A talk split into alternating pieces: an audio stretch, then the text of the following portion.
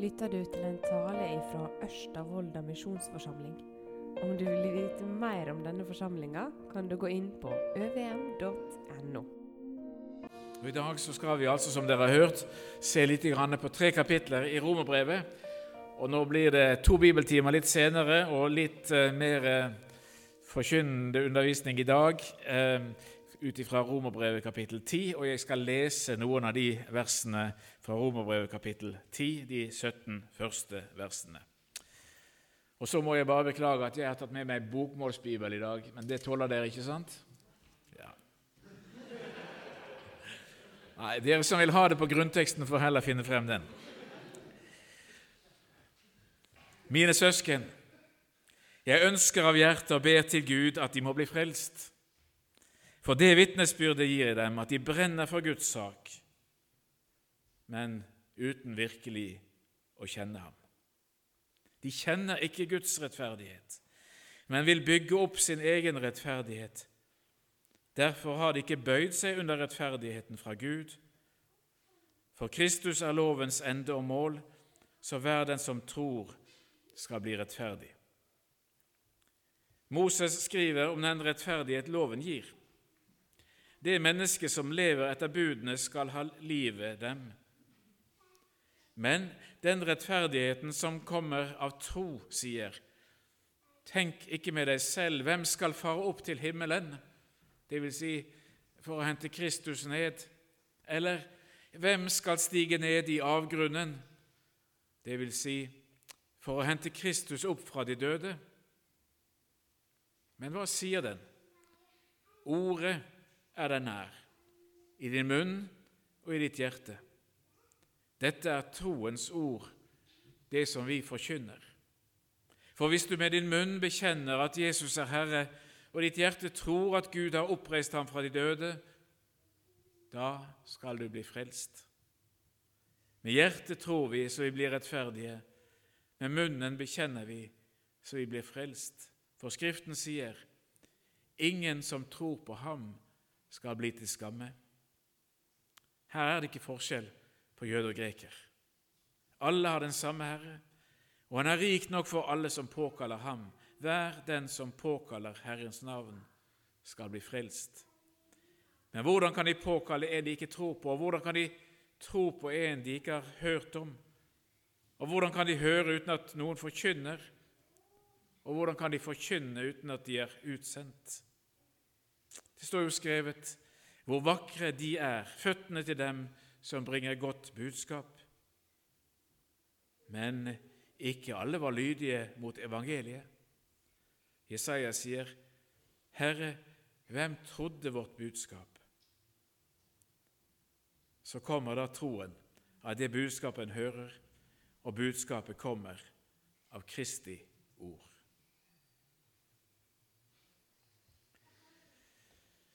Hvis jeg ikke husker feil, så eh, ble det satt et hovedtema på Misjonssambandets generalforsamling for en del år tilbake.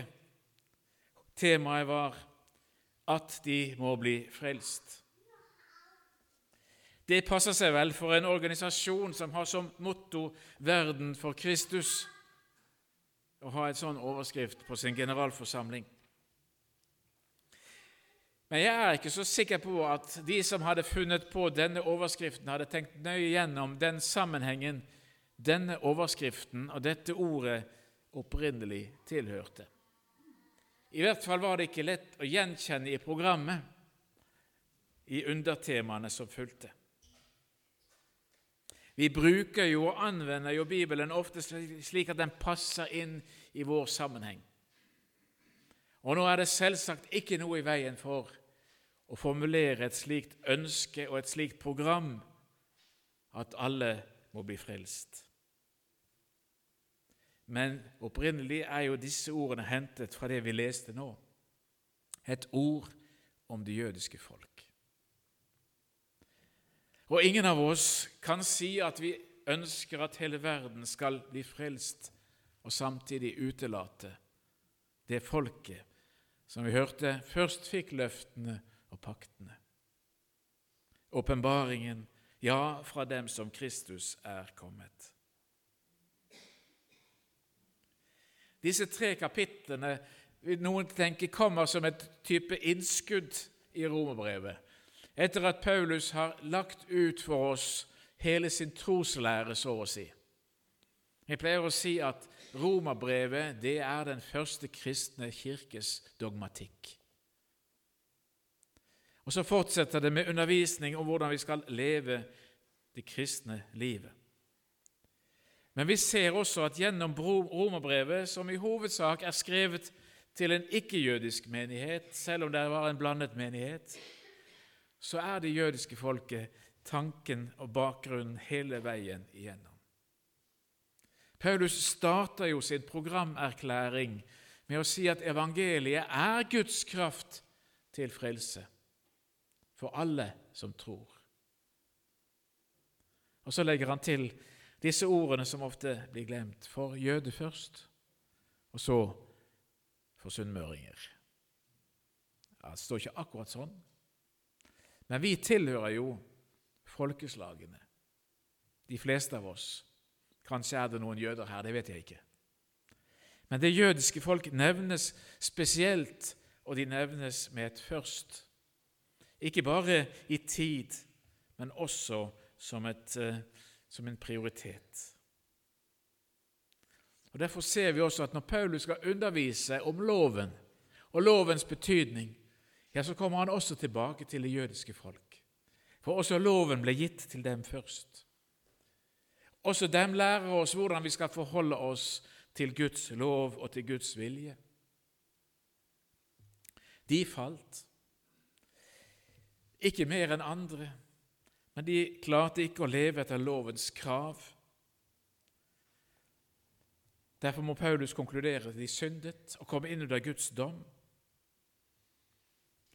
Men i kapittel 3 så sier han jo her er det jo heller ikke forskjell på jøde og greker. Alle har syndet og mangler del i Guds rettferdighet. Og Når han kommer til kapittel 4, ja, så er det Abraham som hentes frem som et forbilde. Han som var tro, han som var lydig, han som altså hadde fått løftene. For det er den som holder fast på Guds løfter, som til syvende og sist skal bli frelst. Abrahams tro er et forbilde.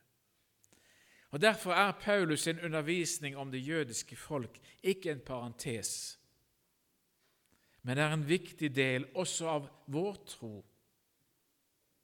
For du og jeg er blant de som har fått del i Israels tro, i Israels løfter, i Israels håp. Vi er blant dem som har fått del i Israels Messias, han som er verdens frelser. Og Derfor er Guds plan med Israel ikke noe som vi kan stille oss likegyldige til, eller si at 'nei, det bryr vi oss ikke om', eller som noen sier 'det er vi liksom ferdig med', nå gjelder det andre. Gud er ikke ferdig med Israel. Like lite som han er ferdig med oss, denne menigheten, og med de som bor rundt oss. Gud har en plan. Der hører Israel med, og der hører Volda med. Som ung nyutdannet så ble jeg plassert i Førde og skulle være distriktssekretær for Israelsmisjonen i Sogn og Fjordane. Og jeg tror jeg har vært innom de fleste bedehus og kirker i Sogn og Fjordane i løpet av åtte år. Men jeg kom på et bedehus i Sunnfjord der jeg fortalte litt om Israelsmisjonen. Og så var det en som sa ja, men er ikke jødene kristne, da? Du syns kanskje det er et litt rart spørsmål, men det er jo Guds folk vi snakker om. Hvorfor i all verden skulle det være nødvendig å forkynne evangeliet for dem? Klarer ikke Gud å ordne opp i dette på egen hånd? Trenger han hjelp av oss? Eller kan ikke Israel selv finne veien? De er jo så fromme, mange av de, vil noen si. Det er tre stikkord i disse, disse versene som vi har lest nå, som er veldig sentrale for å forstå det jødiske folk, Guds plan og vår stilling. De tre ordene det er rettferdighet, det er tro, og det er ordet. Det store spørsmålet for det jødiske folk, slik det er også for oss, er hvordan kan jeg leve rett, slik at jeg er ferdig til å møte Gud? For rettferdighet handler nettopp om det å leve slik at jeg kan møte Gud ansikt til ansikt, og få del i, den, i det rette liv og den rette tro. Og det er mange som har forsøkt ulike veier for å leve rett og for å være ferdig. Og mange er anfektet i sitt eget liv og stiller spørsmålet har jeg gjort det rett. Er jeg god nok? For en tid siden så satt jeg foran i en buss i Israel, og foran meg stanset der en bil på et trafikklys. Og Nede under nummerskiltet der sto det en sånn klistrelapp på støtfangeren, eller hvor det nå var. Og På den sto det på hebraisk Omvend deg, Messias kommer snart.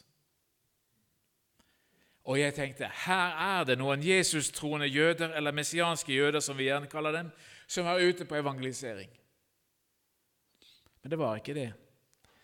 For på dette skiltet sto det også bilde av en rabbiner som jeg gjenkjente. Rabbi Mendel, Menachem Mendel Snerson. Lederen for en stor jødisk bevegelse som kaller seg for Rabad. Noen av dere har kanskje hørt om det. Rabbi Snerson ble utropt til å være Israels Messias på slutten av 90-tallet. Han fikk store tilhengere og har fortsatt en stor bevegelse etter seg i dag. De har sendt ut misjonærer til hele verden der det bor jøder, også til Norge. Det er etablert en liten synagoge i Oslo med Rabad-rabbiner som leder. Fordi de vil kalle jøder til tro og omvendelse til å leve et jødisk liv etter budene og forskriftene. Omvend dere. Jeg har et bilde som viser samlingen de hadde der Rabbi Snerson bodde i Brooklyn, Crown Heights i Brooklyn. Jeg var selv der for halvannet års tid siden og fikk møte noen av lederne deres som sa vi må holde alle disse budene som Gud har gitt oss. Vi må bruke all vår energi på å leve rett og de var villige til å forsake mye for å få det til. Og når jeg var der, var det jøder fra hele verden som var kommet dit for å studere Toraen, loven. Alle de 613 budene. Mens de, vi driver ikke og misjonerer for andre enn jøder, for vi vil ikke at dere ikke-jøder skal måtte holde alle disse budene. Dere har nok med andre ting. Men for oss jøder er det viktig. Så bruker de hele sin energi på det. Og jeg må jo innrømme Tenk om vi hadde vært like fromme. Men så gjør de altså dette fordi de sier at det er viktig for oss for å kunne møte Gud. Derfor kaller de folk til omvendelse. Og Dere som har vært i Israel, har kanskje også lagt merke til det at når du kommer inn i avgangshallen på Ben Gurion-flyplassen, ja, så er det en stor stand der. De betaler sikkert mye for å være der, men der står de. Og så hjelper de jødiske reisende til å binde sine bønnereimer, til å knytte den på pannen, til å be sine tidebønner for at de må vende om. Så døde Snerson, han som altså skulle være Messias. Og så sa noen ja, han kommer vel igjen. Og Noen har til og med bygd et hus litt utenfor flyplassen i Tel Aviv som ligner nøyaktig på hans hus i Brooklyn. For som de sier, når han kommer igjen, kommer han til Israel. Og Da må han kjenne seg igjen. For oss virker det kanskje litt merkelig. De brenner for Guds sak sier Paulus i Rombrevet 9. i Rombrevet 10 om det jødiske folk. Og Paulus visste jo hva han snakket om. For var det noen som hadde vært brennende i sin tro, var det vel han. Så brennende i sin tro at han ville utrydde alt og alle som kjempet imot den sanne lære. Helt til han møtte lyset fra himmelen. De brenner for Guds sak, men uten å kjenne ham. Kjenner de ikke Gud? Paulus, hadde han levd i dag, det er noen som sier det på den måten, ville han sikkert slutte seg til Chabad-bevegelsen. Han var en fariseer. Han tok det nøye med fasten, med bønnene, med gudstjenesten, med almissene. Jeg vet ikke, men i hvert fall så sier likevel han vi kjenner jo ikke Gud til tross for denne brennende iveren.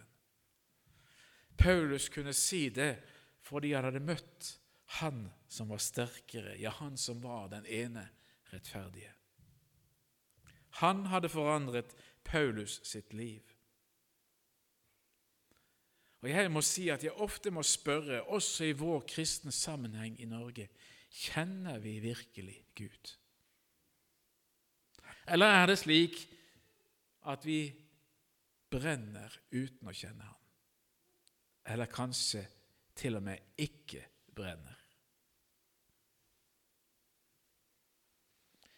Når jeg leser innlegg i avisen, og ikke minst det jeg får opp på Facebook, da spør jeg er det slik at vi brenner for Guds sak, men samtidig brenner mennesker. Har vi lært å kjenne Ham som er kjærlighet? Han som kaller oss til rettferdighet?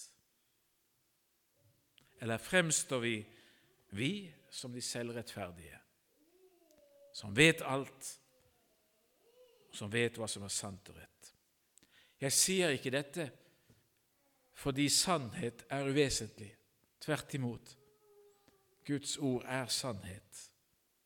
Men jeg sier det fordi vi ofte møter mennesker med en annen standard enn den Gud møter oss med. Og vi er kalt til å møte hverandre slik Gud møter oss. Og Jeg sier også dette i erkjennelse av at vår egen kristne historie, ikke minst i møte med det jødiske folk, har båret preg av en slik selvrettferdigende, fordømmende holdning. Vær ikke overmodige, sier Paulus i kapittelet etter dere som ikke er jøder. Dere som har fått del i troen, har fått del i løftene, fått del i kraften, fått del i velsignelsen. Hvis det er slik at Gud ikke har spart jøder, hvorfor skal han da spare deg?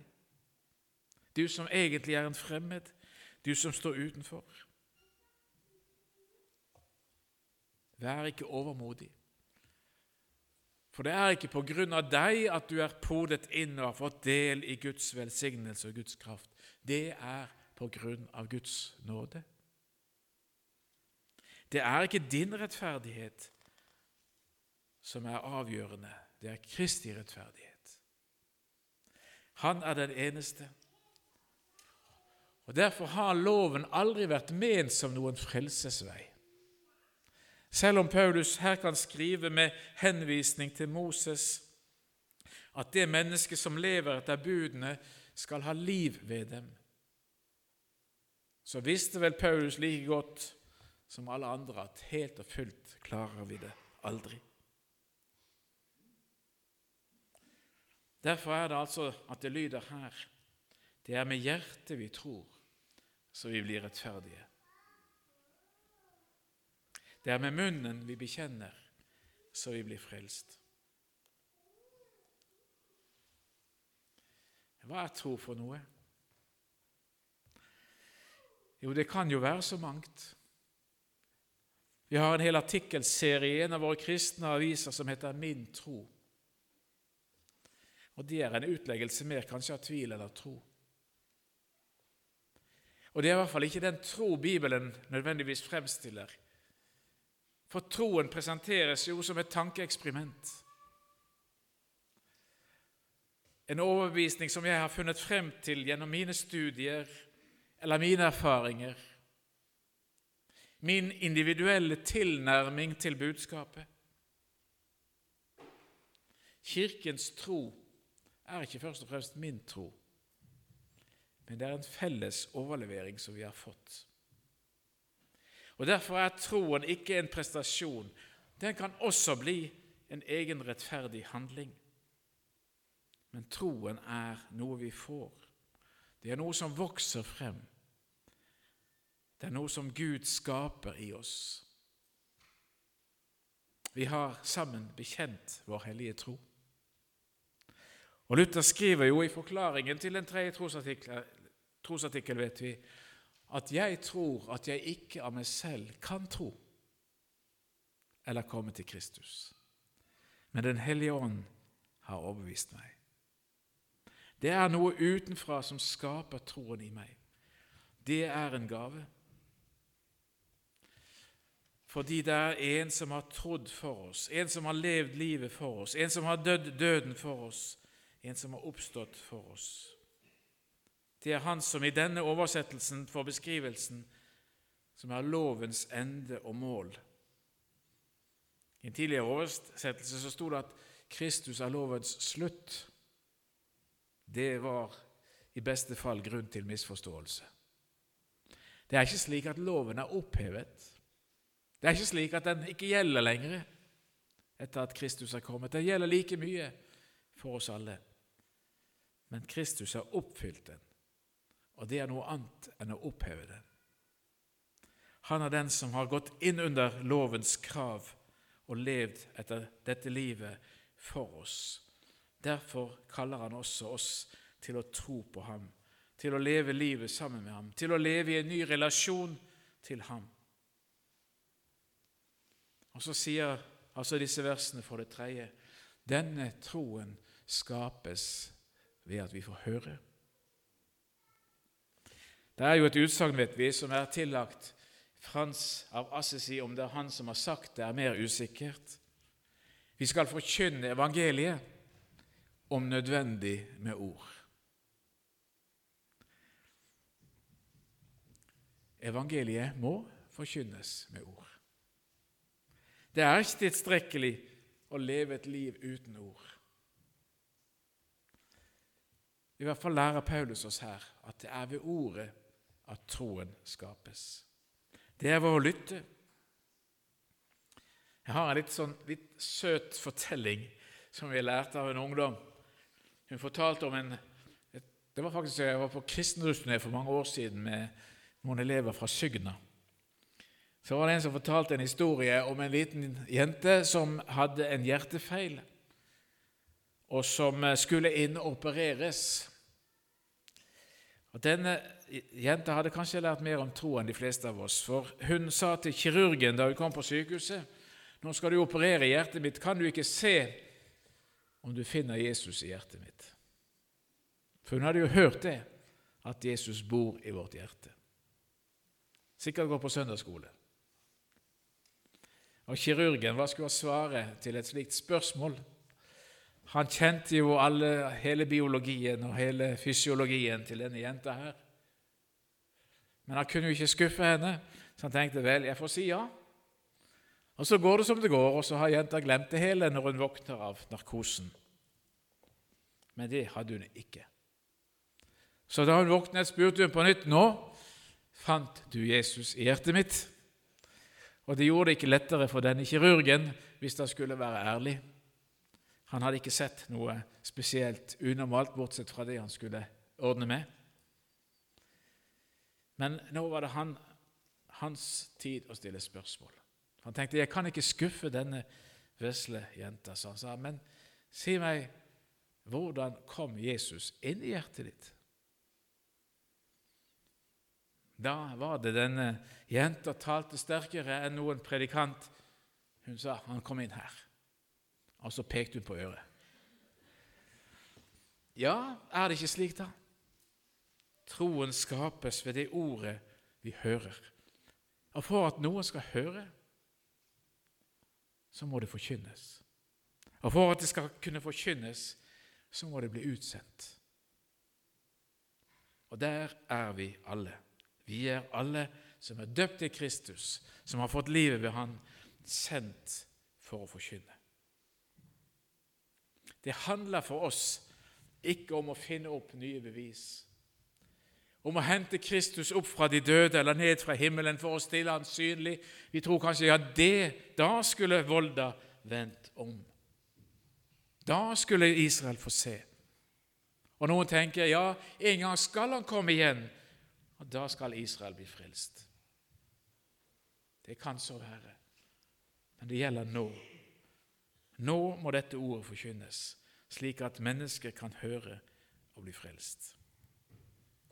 La meg avslutte med en annen liten fortelling fra en god venn av meg, Avi Snyder, som kom som misjonær til Tyskland for å vitne for jøder, men han møtte jo også mange tyske kristne.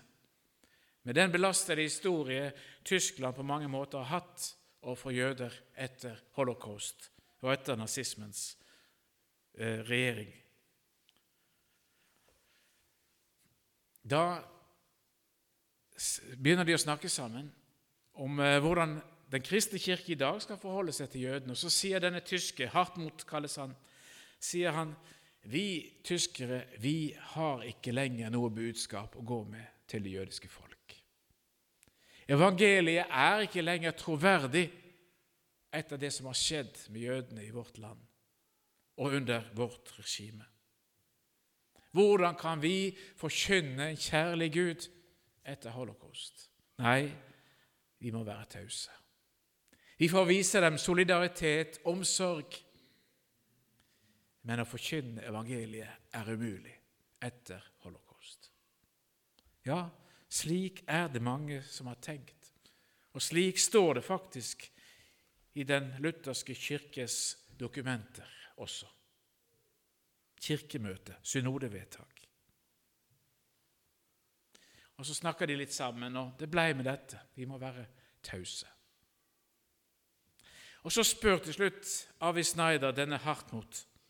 Si meg, hva mener du var den største feilen mange kristne gjorde under holocaust? Og Da kommer det med en gang fra denne mannen at vi var tause. Og så hørte han hva han hadde sagt. Skal vi være tause en gang til? Holocaust var grufullt, men det er noe som er enda verre. Den evige fortapelsen. Skal vi være tause? Evangeliet er Guds kraft til frelse fortsatt. For alle som tror, for jøde først. For i det åpenbares Guds rettferdighet av tro til tro. Av tro. Det kommer av tro, og den skaper tro, skaper nytt liv, slik at vi også kan leve slik Gud har kalt oss til å leve rettferdighetens liv. Og Så får vi dele med hverandre mer i ettermiddag om Guds plan og vilje med Israel, og om Guds plan og vilje med vårt forhold til Israel. La oss be sammen. Jesus, Guds sønn, vi takker deg for at du er kommet som den rettferdige. At du har levd vårt liv båret vår straff, reist oss opp for at vi skal kunne leve med deg. Gi oss ører som hører, og hjerter som tror, slik at vi kan være rette og ferdige til å møte deg og til å vandre med deg, nå og siden. Amen.